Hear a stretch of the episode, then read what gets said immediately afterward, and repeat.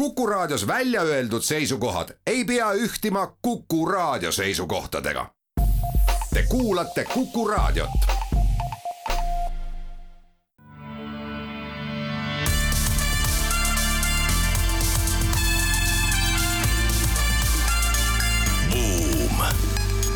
buumile annab hoogu SEB Pank.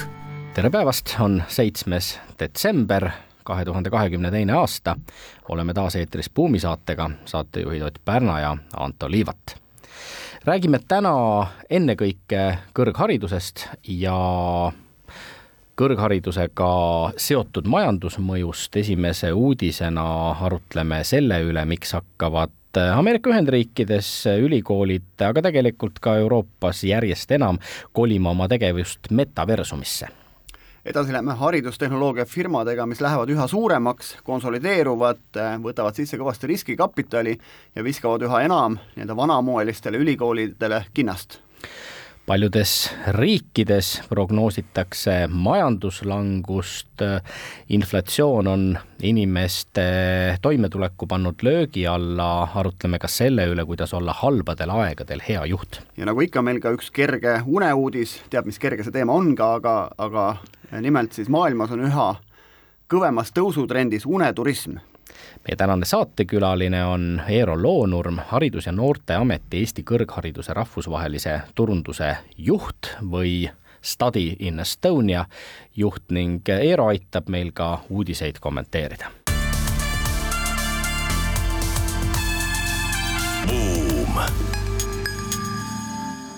kümmekond Ameerika Ühendriikide ülikooli on andnud teada, et nad ühendavad jõud Metaga, varasema nimega Facebookiga, samuti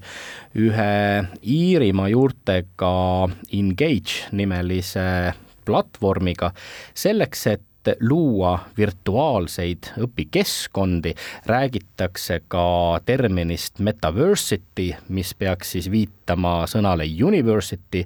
aga olema metaversumisse või äh,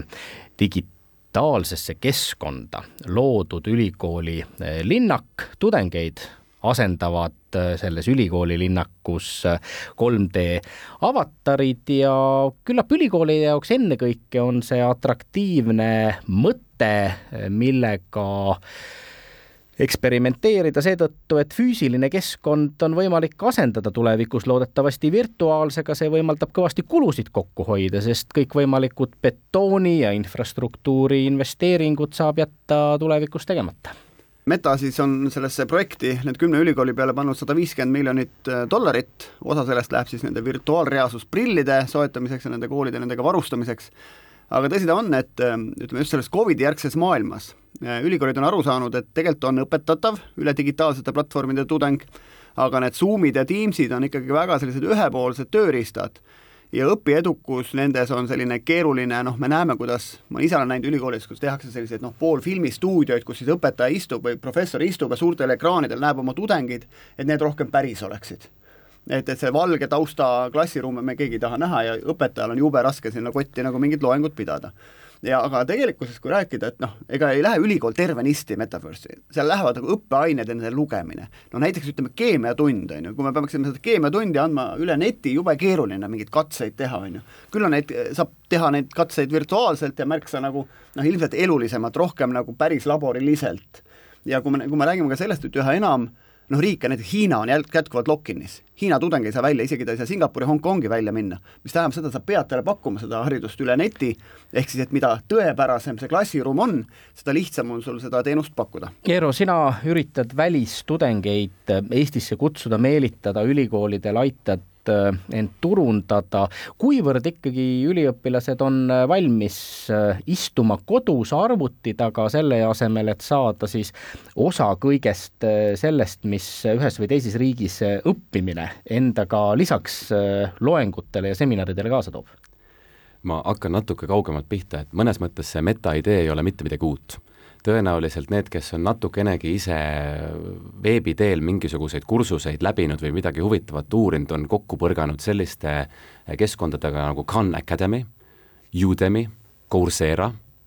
EDX ja nii edasi ja nii edasi, neid on väga-väga-väga palju äh, juba maailmas loodud. nüüd see metaprojekt, ma vaatasin seda ülikoolide nimekirja, et need ülikoolid, nad ei ole sellised esimese ešeloni nimed, kellega siis katseid teha, et siin ei ole MIT-d või Harvardit või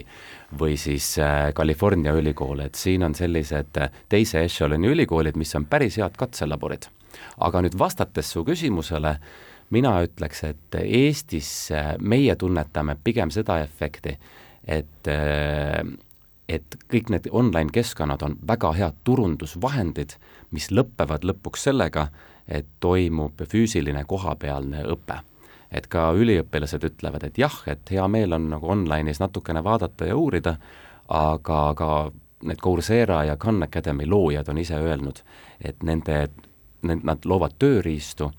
mis lõpevad lõpuks sellega, et need inimesed äh, maanduvad selles pikemas ja füüsilises õppes. no Covidi kontekstis me nägime, kus maailma tippülikoolides käidi niimoodi ära, et isegi lõpuaktusele ei mindud kohale, siis küsimus, et lõpuks, kus sa käisid, on ju. et, et aga, aga võib-olla nagu praktilisemaks seda asja tuua, ma ükspäev rääkisin juttu sellise mehega nagu Joseph Lau, kes on olnud Tartu Ülikoolis kakskümmend aastat professor, Singapuri taustaga mees, ütles, et tead, kui ma klassiruumis räägin mingit lugu, et, et ma ei tea, Singapuris on Jerungi saar, on ju, mis, mis tehti tegelikult mingi kuuekümnendatel aastatel, äh, mis on inimtekkeline saar, kus on põhimõtteliselt kogu siis nafta rafineerimine, keemia, peenkeemia, kõik on peal. nii, sinna saarele on väga raske ekskursioonile füüsiliselt minna, sa pead kaks nädalat ette mingisugused oma dokustaadid andma asja, noh, kogu spionaaži ja kõik see muu, äh, mis on nagu see security poole küsimuseks aga nüüd, kui ma räägin tudeng, ühesõnaga, kui ma näitan tudengitele virtuaalselt seda keskkonda, milline see saar on ja mis järgus seda, ma ei tea, arendati üle kolme-neljakümne aasta, eks ole, millal tuli ma ei tea, Royal Dutch Shell sinna kohale ja mis siis saama hakkas, et see on palju elutruum kui see, et ma räägin lihtsalt tahvli ja grihvliga nüüd seda, et, et see on see, ma ei tea, ke-, keemiasaar meil, eks. ehk siis, et, et seda saab siin ja seal ajalootunnis näiteks, on ju, noh, me ei lähe ajalootunnis mitte kunagi neid püramiide sinna Egiptusesse vaatama, on ju. küll me saame need tuua nagu virtuaalreaalsuses inimese ette ja see läheb ka üldhariduskoolis palju ägedamaks eks ta oleneb ka õppekavadest, et ma vaatasin siin nende ülikoolide sisu, siin õpetatakse suures osas, näiteks Maryland õpetab siis ettevõtlust ja juhtimist, siis õpetatakse IT-d, küberkaitset ja nii edasi ja nii edasi, need on sellised ideaalsed äh, õppekavad, mida saab siis äh, veebi teel õpetada, noh pluss siis tutvustada kõike seda, kuhu me füüsiliselt ise kunagi nagu kohale ei jõua. et äh, igatpidi on nagu plussid ja miinused, et no on ka peenemaid laboreid, saab lahkamist simuleerida, meditsiini vallas järjest rohkem tehakse ära nendes samades virtuaalsetes laborites ja ja EBS-i hea partner, äh, ülikool, mis on vaieldamatult maailma tippkool, VU, selle professor Stöttinger on öelnud, et noored ikkagi järjest rohkem on harjunud toimetama oma avataridega virtuaalkeskkonnas, kui siin prognoositakse, et metaversum võiks olla väärt viis triljonit dollarit aastaks kaks tuhat kolmkümmend, siis äh, Stöttingeri sõnul on see lihtsalt koht, kus ülikoolid peavad ühel või teisel moel äh, kohal olema, sest noored lähevad sinna ja järjest rohkem lähevad sinna. muidugi teistpidi jah, haridus on konservatiivne, ega siin kiiresti asjad ei muutu. mõelge, mehed, ega sealsamas Ameerika Ühendriikides eksameid tehakse tänase päevani nii, nagu tehti sada aastat Äh, tagasi, pannakse sajad ja sajad inimesed äh, suurde auditooriumisse istuma, korjatakse neil telefonid ja arvutid ära ja sunnitakse peast äh, kirjutama ristikesi valikvastustega testidesse. no nii on, aga samas, kui me võtame nagu mingid eraülikoolid, on ju, kes, kes ei ole riigi nii-öelda nii lõa otsas, eks ole, maailmas on ju, siis tegelikult millega nad teenivad raha? Nad ei teeni bakalaureuse ja magistriga raha, jah, MBA-ga natuke teenitakse,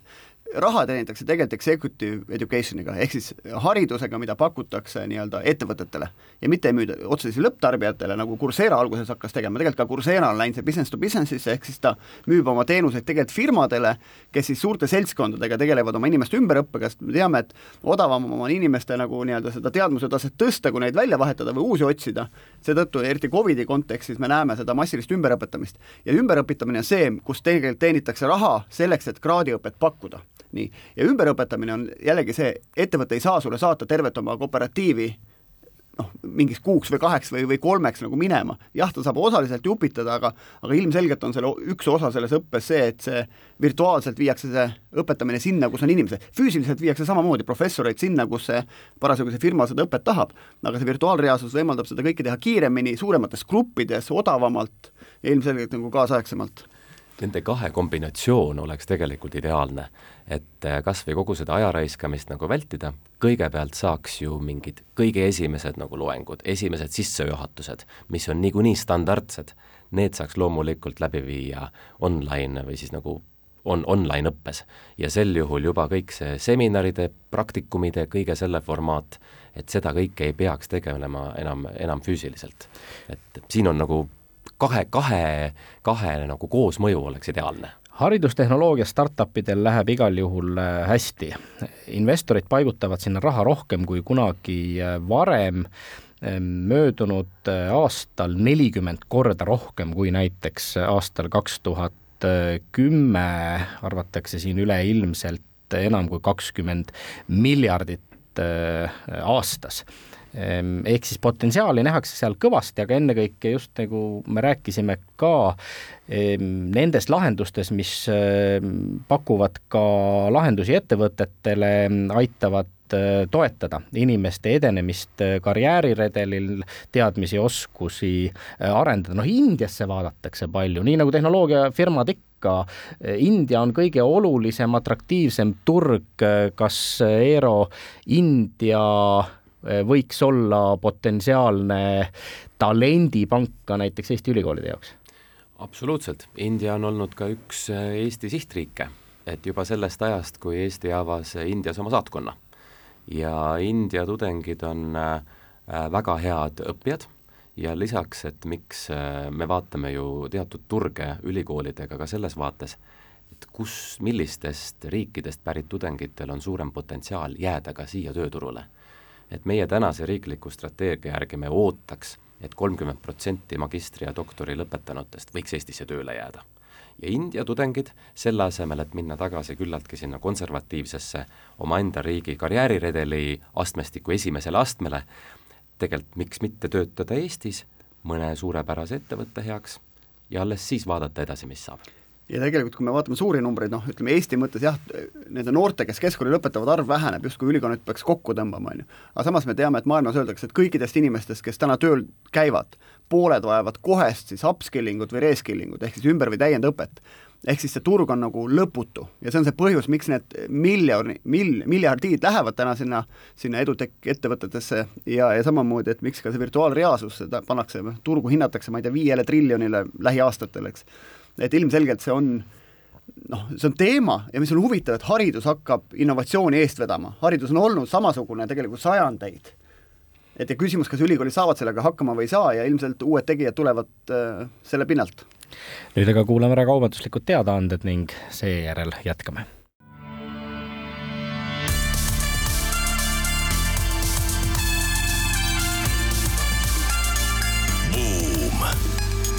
buumile annab hoogu SEB Pank oleme tagasi Buumi eetris, saatejuhid Ott Pärna ja Anto Liivat ning meie tänaseks saatekülaliseks Stadin Estonia juht Eero Loonurm. räägime nüüd sellest, kuidas olla halbadel aegadel hea juht. inspiratsiooni saime Harvard Business Review värskest artiklist, mille kirjutas eh, oma doktorikraadi Kopenhaageni ärikoolis eh, kaitsnud Merete Vedel Vedelsborg ja juhite tähelepanu sellele, et järjest rohkem on neid töötajaid, sealhulgas nooremapoolseid töötajaid, kes ütlevad, et nad on stressis ja neil on tõsiseid väljakutseid oma vaimse tervisega. ka UNICEF-i värske uuring ütleb, et kaheksateist kuni kahekümne viie aastastest inimestest viiendik ütleb, et nad tunnevad ennast tihti depressiivsena, neljandik peaaegu ütleb, et nad vihastavad päeva jooksul äh, palju ja enam kui nelikümmend protsenti noortest äh, väidavad, et nad muretsevad päeva jooksul tihtipeale. ja selle tõttu küllap siis ka inimeste süütenöörid on lühemad, üks kriis on räsinud perekondi teise järel, see kõik esitab juhtidele üha kõrgemaid nõudmisi ma olin mõned nädalad tagasi Kreekas Ateenas ja rääkisin, juhtusin ühe, ühe tuttavaga juttu rääkima, ühe kohalikuga, ütles seda, et teate, et meie riik on olnud viisteist aastat kriisis. ehk siis see majanduskriis on ju kahe, kaks tuhat kaheksa, üheksa, siis tuli Covid otsa, on ju, nüüd on see Ukraina ja kütuse ja inflatsiooni teemad, eks, et me oleme permanentses kriisis. et tegelikult me võib-olla ei saa aru, et kuidas see on tegelikult juba põlvkondi mõjutanud, selline kriisisituatsioon ja, ja noh, siin selles artiklis, millele sa ka viitad, öeldakse, et noh, inimesed on läinud rabedamaks ja see on jumala tõsi. Ja, ja inimesed üle nagu selles mõttes oma professionaalsuse taseme, et siin ei ole need, kes ma ei tea, vähem või rohkem palka saavad või rohkem või vähem koolis on käinud, et see puudutab kõiki. ja siin nad toovad ka selle näite, et, et noh, ütleme rasketel aegadel on ju et juhi tüüpiline asi on see, et, et noh, tõstame tempot, teeme veel rohkem tööd, paneme rohkem koormust inimesele peale, aga aga nad tegelikult lähevad katki, on ju. ja need inimesed ei lähe katki mitte sellepärast, et, et väljas on raskem või, või rohkem on tööd, nad lähevad katki tegelikult nende inimsuhete pärast et, et mis selle, selle käigus nagu ära lõhutakse ja, ja, ja pigem see keskkond on see, mis neid nagu lahkuma sunnib, mitte see, et nad saavad aru, et on raskemaks läinud ja nad on valmis rohkem pingutama. ja, ja, ja kuidas ma ütlen, see digitaalne ühiskond on viinud ka selleni, et justkui no mahuks veel nagu asju juurde panema ja kui me teeme veel rohkem, äkki me oleme siis nagu paremad, on ju. et see ajadimensioon on läinud nagu subjektiivseks ja seetõttu nagu nii juhid kui need alluvad, kes siis midagi teevad, saavad sellest erinevalt aru ja samamoodi noh, juhid üritavad elada ikkagi inimestel seljas, noh see artikkel räägib pikalt sellest, aga samas võiks nagu anda, anda õhku et jah, et kui läheb raskeks, siis kuidagi väga instinktiivne kipub olema see, et äh, nõuame rohkem, äh, kiiremini ja, ja sunnime inimesi takka, sest noh, siis saab ka oma ülemustele raporteerida, et töö käib no,. kuidas sulle, Eero, paistab? Täiesti nõus, siin ongi see vahe, et ma arvan, et artikli põhjal oli nagu selgelt näha, et tegelikult töötajad töötajad väga hoolivad sellest, kuidas neile tööülesandeid anda, kuidas neid juhtida. mitte et siis täpselt, et mida sa teed, kui palju, kogus ei olnudki nagu niivõrd see märksõna, et kui palju sulle nüüd töö, tööd juurde tuleb seoses kriisidega, aga just, et kuidas neid tööülesandeid anda, et kas sul, kas sind kontrollitakse pidevalt, et see märksõna minu jaoks oli artiklis, et kuidas see kontrollimine ju palju on ikkagi ka juhi enda ebakindluse küsimus. tundub, et inimesi, kes ei ole võib-olla enam nii tihti ka kontoris ja silma all, tuleb järjest rohkem kontrollida, et nad äh, jänest ei sõidaks või, või luuslanki ei äh, laseks, ometigi pigem soovitavad juhtimisspetsialistid äh, olla kohal siis, kui abi vajatakse, seda abi pakkuda, aga, aga mitte püüda kogu aeg olla näppupidi kõigi asjade sees ja noh, ilmselgelt see tähendab ühelt poolt seda, et sa pead äh, valima endale inimesi tööle, kes su suudavad olla iseseisvad ja usaldama seda, sest inimene võib sul kontoris olla vastas istuda, nagu Anto, sa praegu istud, mina ei tea, kas sa oled praegu Facebookis või, või teed sa raadiosaadet või teed sa mingit tööd, on ju, et et ega me ei kontrolli ka neid inimesi, kes on juures. ja juhi küsimus on pigem see, et kas ma selle inimese nagu südame olen kätte saanud või ei ole kui ma selle südame olen kätte saanud, siis ta teeb tööd ükstaskõik, kus kohas ta on või, või kas tal see laptop on kaasas või ei ole, ta mõtleb mulle nende asjade peale niikuinii. ja kui ma südant ei ole võitnud, siis ta ei mõtle niikuinii, on tal siis minu tööandja arvuti või istub ta tööandja kontoris. Ja see artikkel räägib väga hästi sellest, et, et, et juhid peaks liikuma sellisel aegadel nagu lähemale, kas või selleks, et seda nagu noh, ma ei tea, seljatuge pakkuda inimestele. aga just emotsionaalselt on, lähemale ja, ja, ja hoidma suhteid ka fookuses, mitte ainult ülesanne. aga siis nad ütlevad, aga mitte lämmatama, et liigu lähemale, aga ära lämmata, see on peres vist samasugune, on ju. ja, ja liigu kiiremini, aga ära muutu pööraseks, on ju. et anna endale aru, kuhu sa lähed ja võib-olla see pika visiooni ja sellise pikkade õigete sammude tegemine on võib-olla täna veel olulisem, sest taktikat me ei suuda kontrollida aga need pikad suured mutrid, juhid peavad keerama nagu õigesti, õigele poole et siis jungad teavad, kuhu poole minna. kuna need jätavad keeramata, ehk siis kui nad jätavad oma põhitöö tegemata, siis lasevad need jungad ka lõpuks jala sirgeks, seetõttu taktikas, et ma ei taha, et kontrollitakse, ma ei tea, kuhu see maja läheb ja kas ta tahab minna ja ma lähen siis sinna majja, kes, kes teab, kuhu minna tahab. ja täpselt, kui on juba töötaja, kellel süda põksub ja ta teab, mida ta teeb, siis üks selliseid kuldseid, kuldseid tõdesid on ka veel see, et ära siis sekku, ära sega. Las professionaalid teevad oma tööd ja siin artiklis olid ka nagu imelised näited sellest, kuidas tegelikult äh, on võimalik ka nagu töötajate hea töörütm ära rikkuda lihtsalt liigse sekkumisega. Novembri keskel toimus äh, Miami's ka juhtimiskonverents, äh, kus äh, parima uuringu auhinna äh, pälvis INSEAD-i, Kopenhaagen Business School'i, Bocconi, kõikide väga nimekate koolide professorite ühise uurimistulemusena esitletud äh, kirjatükk, mille järeldus on hästi lihtne. paremat töökeskkonda suudavad luua need juhid, kelle elu ja asukoht asub geograafiliselt oma töötajatele lähemal. ehk siis ikkagi äh, see, et tajuda oma inimeste kultuurilisi eripärasid, olla neile ka füüsiliselt äh, lähedal võimaldab luua paremat töökeskkonda, seda nii töötajate endi kui siis äh, väliste audiitorite arvates no tead, Anto, ma olin eelmine nädal Singapuris, ma käisin INSEAD-i Singapuri eh, majas või need Aasia kontoris Singapuris ja INSEAD ütleb seda, et meil ei ole nagu Aasia ja Prantsusmaa ja ma ei tea, Abu Dhabi ja, ja San Francisco campust, aga meil on see üli, üks ülikool, millel on lihtsalt nagu nii-öelda neli kontoorat, on ju. aga tead, selle diin ehk siis pealik on bulgaarlane nii, see tüdruk, kes meid vastu võttis ja maja tuuri tegi, on vietnamlane nii, ja see noorhärra, kellega me rääkisime, on Aalto taustaga Peterburi venelane, on ju. Ja me räägime Prantsuse ärikoolis Singapuris, on ju. aga nad asuvad kõik seal füüsiliselt Singapuris, seda ütleb ka see uuring, et tähtis ei ole see, mis rahvusest sa oled, aga tähtis on see, et sa pead olema seal kohapeal. jah, järgmine tiim pidi tulema jälle Prantsusmaalt, resideeruma Prantsusmaal, et, et selles mõttes, et ettevõtted, kes või organisatsioonid, kes on suutnud ennast globaalselt nagu üles ehitada, need elavad üle ka nende inimeste nagu liikumise. küsimus, et kas see firma kultuur on üks, kas ma ei tea, need eesmärgid on samad, on ju, kõik nad üritavad tegelikult seda corporate klienti saada, kõik nad üritavad seda maksvat tudengit endale saada ja kusjuures ütlevad seda, et me ei taha üle kümne protsendi ühegi riigi nagu domineerimist isegi kui mõni riik maksaks kinni kõik sada tudengit või sada protsenti tudengeid, ei, me võtame kümme kuni viisteist ühest riigist, seetõttu, et me tahame seda mitmepalgelisust saada. aga muidugi see, et Äh, me räägime nii palju juhtimisest äh, halbadel aegadel, äh, indikeerib ka taaskord kehva juhtimiskvaliteeti. tegelikult ei pea halbadel aegadel juhtima teistmoodi, kui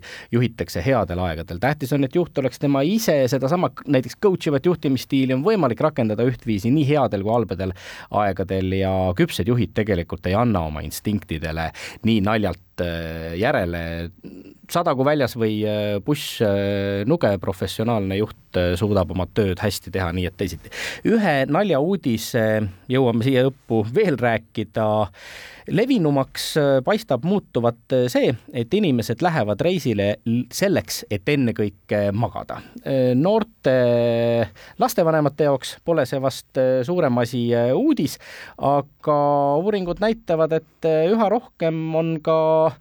pisut eakamaid täiskasvanuid, kes tõesti selle asemel, et reisil võimalikult palju näha ja kogeda, seda tihtipeale ka unetundide arvelt, äh, keskenduvad äh, hotellide valikul sellele, et saaks võimalikult hästi ja kaua magada. no The Journal of Clinical Sleep Medicine found that nelikümmend protsenti kahekümne tuhande viiesajast täiskasvanust, keda nad siis uurisid, nelikümmend protsenti on äh, probleemidega magamises ehk siis circa pool rahvast tegelikult ei maga piisavalt ja need on need, kes enda arvates ei maga piisavalt. ilmselt kui meditsiini noh, doktorid ütlevad, et, et see protsent on vast suurem.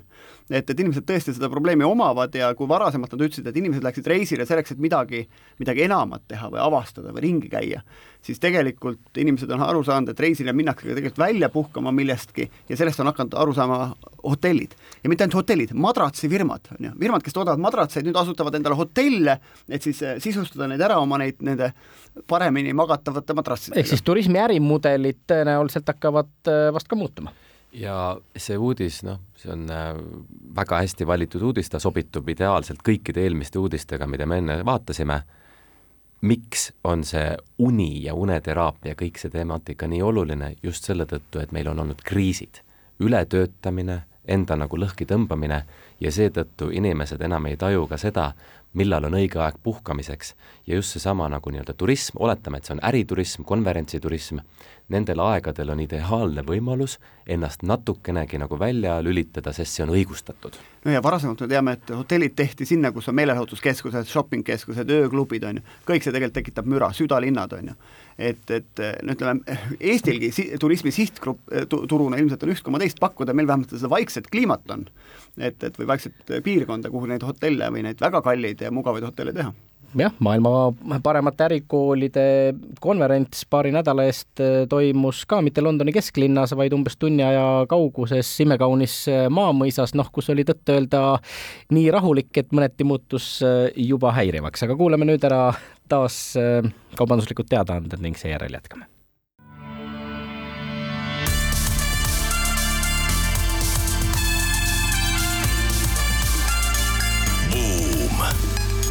buumile annab hoogu SEB Pank. Oleme tagasi Buumi eetris, saatejuhid Ott Pärna ja Anto Liivat ning meie tänane saatekülaline on Study in Estonia juht Eero Loonurm,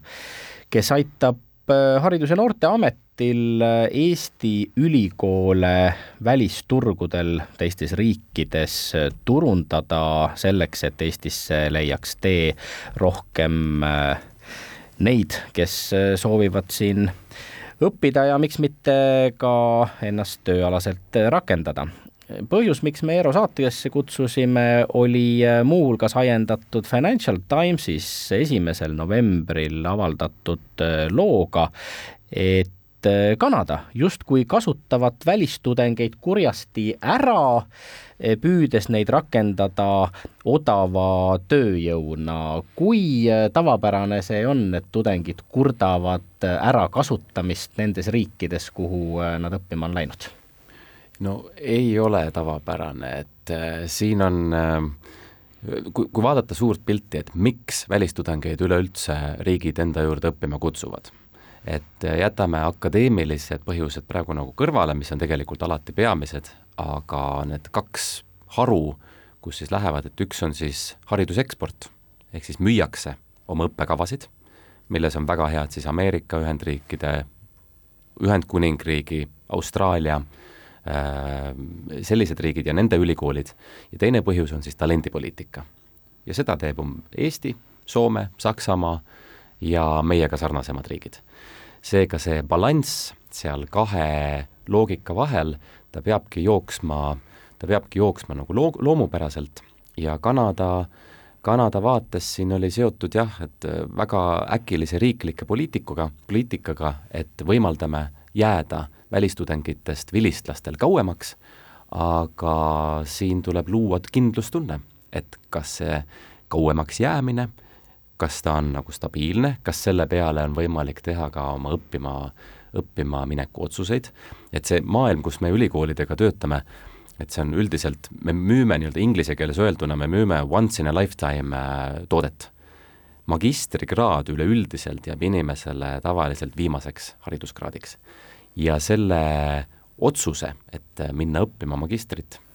seda mõnikord, seda, selleks valmistatakse ette ennast aastaid ja aastaid. ja sellega on seotud ka tööturg. et need ülemaailmsed paremusjärjestused ehk siis rankingud,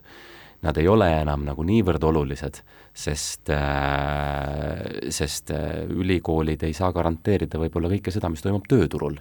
ja välisüliõpilased väga hoolega vaatavad, mis saab minu diplomiga, pärast õpingute lõppemist. ja seega see Kanada uudis, kus siis reageeritakse tuliselt, et kas see ühiskond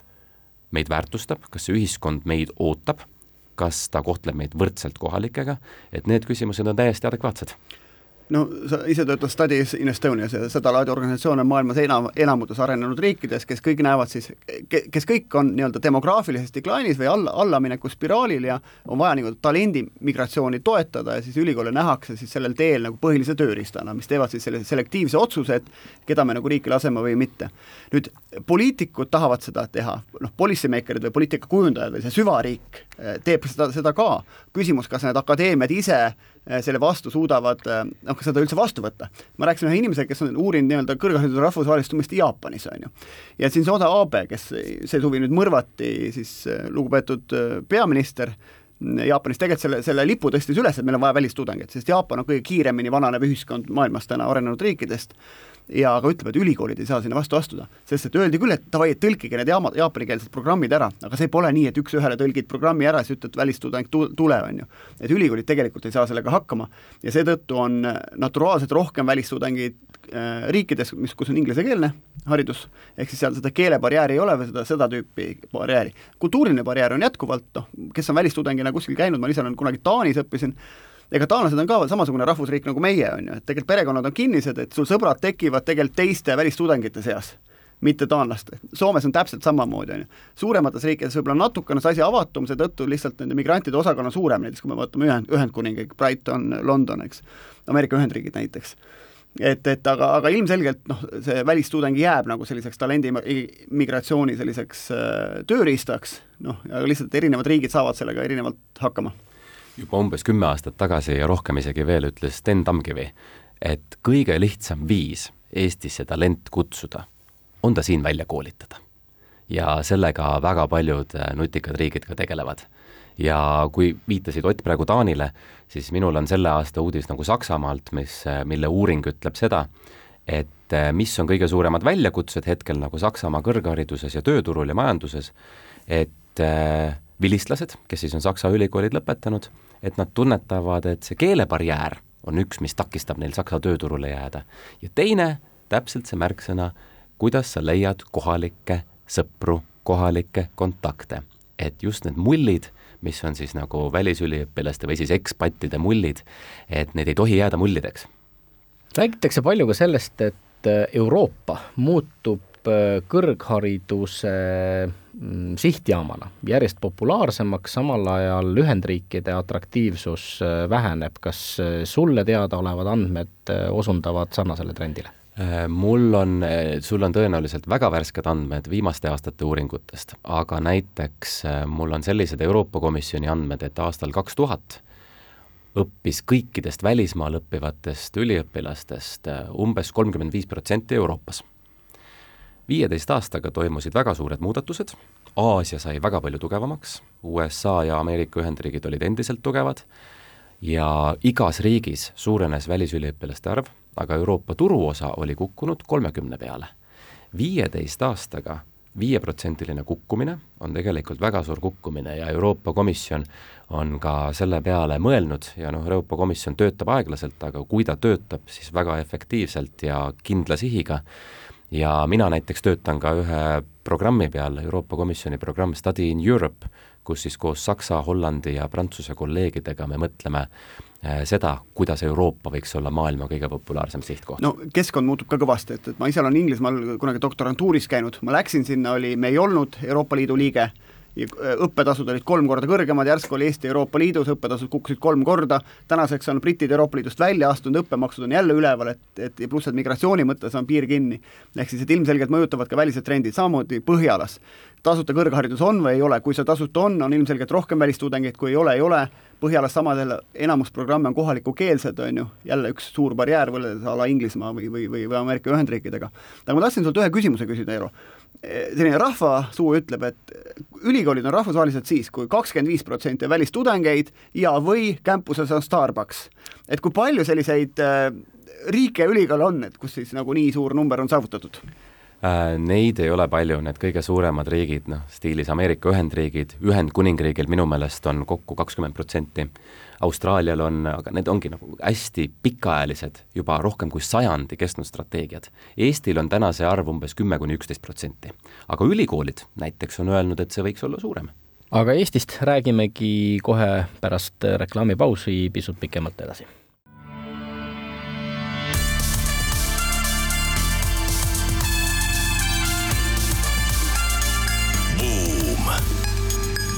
buumile annab hoogu SEB Pank oleme tagasi Buumi eetris, saatejuhid Ott Pärna ja Anto Liivat ning meie tänaseks saatekülaliseks on Study in Estonia juht Eero Loonurm. meie hea saatepartner SEB on andnud teada, et käesoleva aasta suvel saavutas reisiteenuste tarbimine koroonaeelse taseme ja ka söögikohtadel läks igati kenasti. samas praegune hinnatõus ja ka kommunaalkulude, sundkulude kasv võib Äh, kaasa tuua ja tõenäoliselt õige pea ka toob äh, tarbimise pidurdamise. Eero, sa oled palju rääkinud välistudengite majandusmõjust, kui tihtipeale vaadatakse välistudengite peale ka pika pilguga, et küllap nad siin äh, Wolti ja Bolti tööle lähevad, mitte erialasele tööle, siis milline võiks siiski olla see positiivne majandusmõju, mida välistudengid Äh, riigile, sealhulgas äh, Eestile avaldavad? esmalt ma, kui mainisid juba neid kahte firmat, et ma ütleks, et see on tudengile nagu ideaalne, ideaalne taskuraha teenimise töö ja täpselt samamoodi ju Eesti tudengid, kes ei tööta eri, kes teevad mitte erialast nagu tööd, et äh, samamoodi kasutavad neid firmasid. aga nüüd, kui tulla majandusmõju juurde, siis välistudeng on ideaalne, kui vaadata läbi turismi ja läbi selle SEB uuringu, siis välistudeng on ideaalne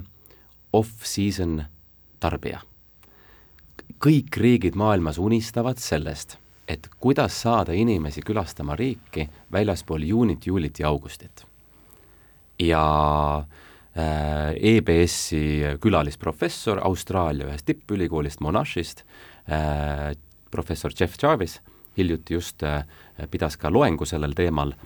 kus ta rääkis sellest, et Austraalia avastas väga ammu, et ideaalne off-season turist septembrist maikuuni ongi välistudeng. aga see majandusmõju avaldub siis äh, täpsemalt äh, lisaks sellele, et äh, tudengid äh, Eestis ringi rändavad äh,, kohvikutes ja restoranides äh, käivad äh, ka eluasemekuludes, äh, panuses ülikoolide õppemaksu, äh, võib-olla ka osa ka töötamise kaudu? Ja meie eriuuringute järgi, et kui me jaga, jagame laias laastus selle kolmeks, et üks on siis kõik, mis puudutab eluasemekulusid, meie uuringud ütlevad, et keskmiselt, need on natukene nagu enne koroonaaegset, aga et keskmiselt läheb eluaseme peale umbes kakssada viiskümmend eurot kuus, mis välistudeng jätab Eestisse. Järgmine plokk on siis elamiskulud, kõik, mis puudutab söömist, joomist, väljas käimist, ringi reisimist, kuus keskmiselt kolmsada eurot. On muidugi neid, kes kulutavad oluliselt rohkem, on ka neid, kes on siis konservatiivsemad. Ja äh, kolmas, äh, tegelikult isegi neli plokki on, kolmas plokk puudutab siis õppemaksu, et äh, mis nad siis maksavad oma, oma täisajas õpingute eest. Ja neljas plokk on töötamine ja maksutulu Eesti majandusele, kui nad töötavad õpingute ajal ja õpingute järgselt. ehk siis summa summarum, palju üks välistudeng meile maksma läheb ja palju ta siia raha jätab? Äh, ma ütleks, et see suhtarv on midagi sinnakanti, et umbes aastas äh, Eesti riigi kulud on, jäävad umbes kolmekümne kuni neljakümne miljoni vahele ja need tulud, mida välistudengid Eestisse jätavad, on umbes kuuekümne miljoni kanti ja ka teiste riikide arvutused umbes näitavad sama, et see kasu on pooleteistkordne. jah, aga siiski, et need välistudengid ei ole siin kindlasti raha pärast, vähemalt riik ei taga need raha pärast taga, vaid et, et kultuurilised sidemed, mis nende inimestega jäävad, isegi kui nad kodukanti tagasi lähevad, on vaja meie ettevõtetel neid inimesi, et kuskil välisturgudel hakkama saada, et, et, et see kasu on tegelikult ümber nurga suurem kui see otse, otserahaline. aga me teame, et riigid hea meelega tahaks valida erinevatest riikidest omale tudengeid ja tahaks mõnesid mitte, Inglismaa kogemus mulle ütleb seda, et Inglise ülikoolid näiteks doktorantuuri Aasia tudengeid ei tahtnud. ja põhjusel mitte, et nad oleksid rassistid, vaid põhjus on see, et Aasia tudeng ei jää kohale, ta läheb koju ära aga nüüd eurooplane jääb Inglismaale kohale, mistõttu nad saavad oma faculty järelkasvu teha meil samamoodi, me teame, et siin on Eestis eh, nagu tuhat pluss nigeerlast, osad neist on ülikoolis, käivad, osad ei käi, eks, et et meil tulevad tavaliselt välistudengid endistest idabloki riikidest ja tulevad mõnedest Aafrika riikidest ja mõnedest riikidest veel. aga kui me mõtleme, kuhu meie ettevõtted tahaksid eksportida, nad tahaksid, ma ei tea, Hollandisse, Saksamaale, et mida teha, et saada need välistudengid just nendest riikidest, kellega me tegelikult tahame seda ühisosa ehitada et, et see on nagu see minu arust võtmeküsimus, Eero, oskad sa öelda, kuidas meil läheb sellel teel? meil kõige suurem saatjariik on loomulikult naaberriik Soome. soomlasi õpib Eestis kõige rohkem ja mäekõrguselt üle kõikidest teistest riikidest ja ma arvan, et seda võiks täiesti uurida, kui palju on just nagu see üliõpilaste ja ülikoolide koostöö elavdanud nagu majandust kahe riigi vahel.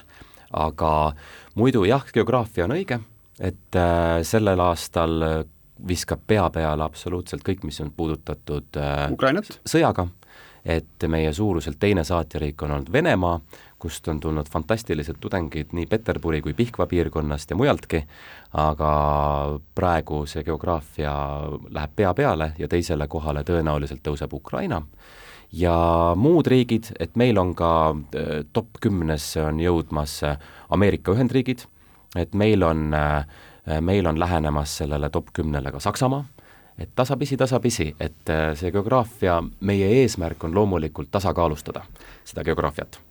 Meil majandussaade, ma võtan ühe nurga veel, et, et ja. sa ütlesid, et tudengil jääb nagu näppude vahele raha kolmsada eurot keskmiselt, mis tähendab siis kümme eurot päevas nüüd küsimus, et ta võib seal Starbuckis või kohvikus müüa küll, aga ta ei osta seda kohvi. ja tema mõni nädal tagasi pani Facebooki üles ühe pildi, mis ma tegin Kreeka kesklinnas ja kus cappuccino maksis null koma üheksa eurot.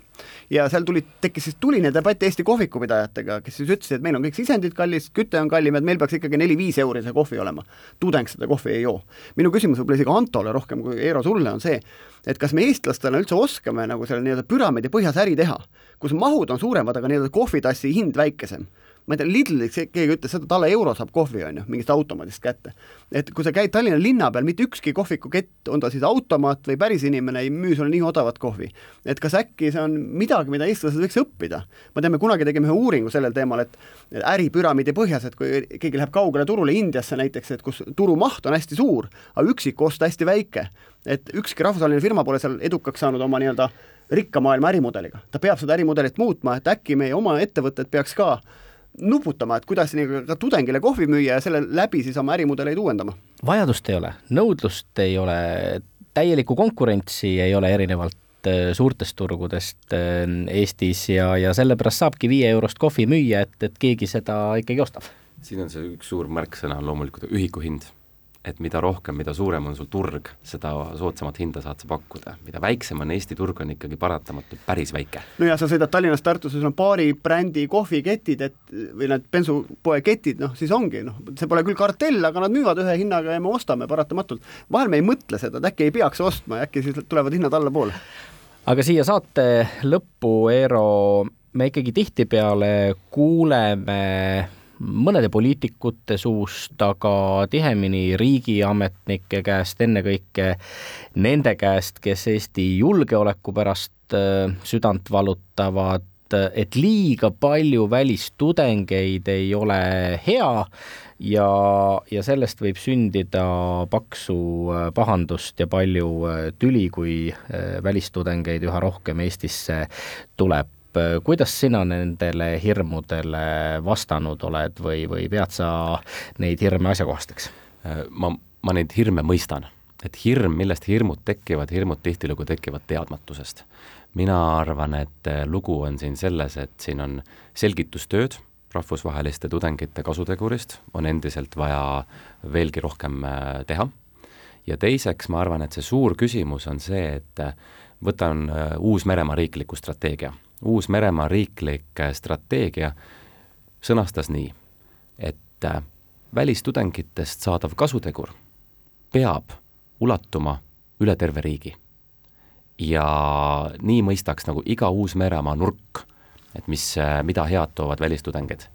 ja lisaks nad täiendasid seda, et nii saab ka iga Uus-Meremaa maakond läbi välistudengite ennast rohkem maailmas tutvustada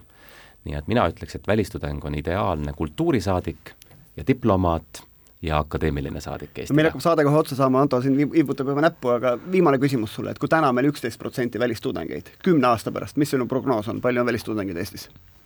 Äh, ma arvan, et äh, see protsent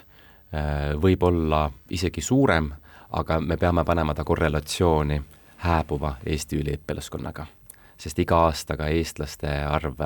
Eesti tudengite arv nagu kukub ja selle võrra, isegi kui välistudengite arv jääb täpselt samaks, siis protsent ju suureneb.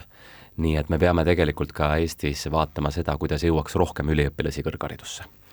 suur tänu, Eero Loonurm, Stadin Estonia juht meile saatekülaliseks tulemast, tõmbame tänaseks äh, buumiga joone alla. eetris oleme taas juba täpselt nädala pärast ja siis on meie saatekülaliseks Elroni juht äh, Lauri Petlem. räägime kõigest sellest, mis puudutab raudteed ning raudteeliiklust Eestis ja maailmas laiemalt. seniks aga mõnusat nädala jätku ja kuulmiseni